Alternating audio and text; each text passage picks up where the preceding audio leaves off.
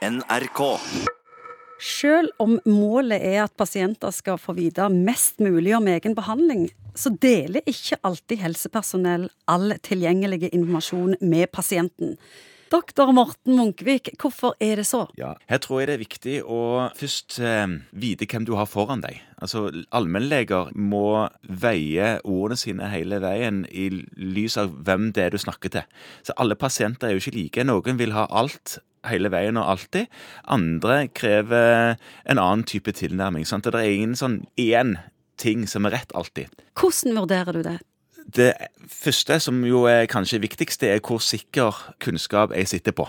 Det må være sånn at den informasjonen jeg kommer med, må kunne føre til noe i den som jeg snakker til. Det må være sånn at det, det er noe å holde fast ved i det. Enten om det er 'dette vet vi ikke', og spiller med helt åpne kort, eller si nøyaktig hva det er som er galt. Gi den beskjeden de, de fortjener å høre. Jeg er nok en ganske ærlig og rett fram eh, person, og tydelig og sånt, men jeg, man prøver jo alltid å vekte og snakke på en måte som eh, ikke forkludrer budskapet, men gjør det enkelt å forstå. Og i en forenklingsprosess så, er det ofte en del omskrivinger som gjør at ting ikke blir helt kanskje medisinsk riktig, men det blir pasientretta mer presist. Hva er det mest typiske? Er det å ville vite mest mulig, eller bare få vite det mest nødvendige? Det typiske er at de vil vite alt. Ja. Få vite alt der er å vite om dette her. Og kunnskap er stadig mer og mer eh, det som trumfer det meste. Så har vi Google.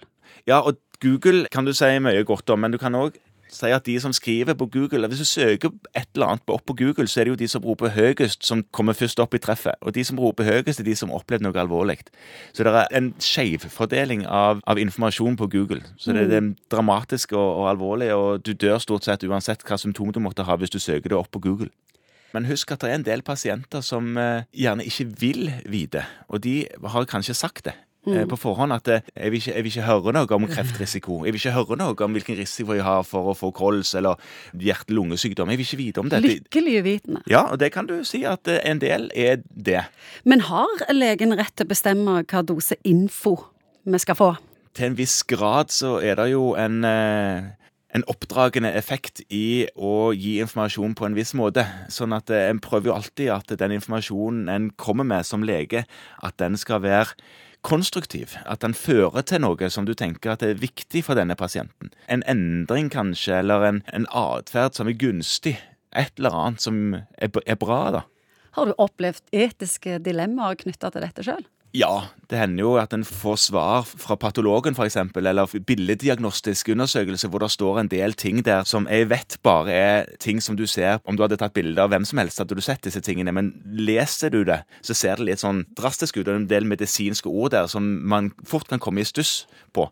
Og da vokter jeg meg jo litt for å si alle de tingene, for det skaper jo bare støy hos pasienten. Men det kan jo være at det ikke er riktig, at de burde bare sagt at de ser litt degenerative forandringer f.eks. For på et ryggbilde, og så sier de det er helt normalt. Det er jo en slags etisk problemstilling at det, de burde kanskje sagt akkurat det de fant, selv om det egentlig er uvesentlig.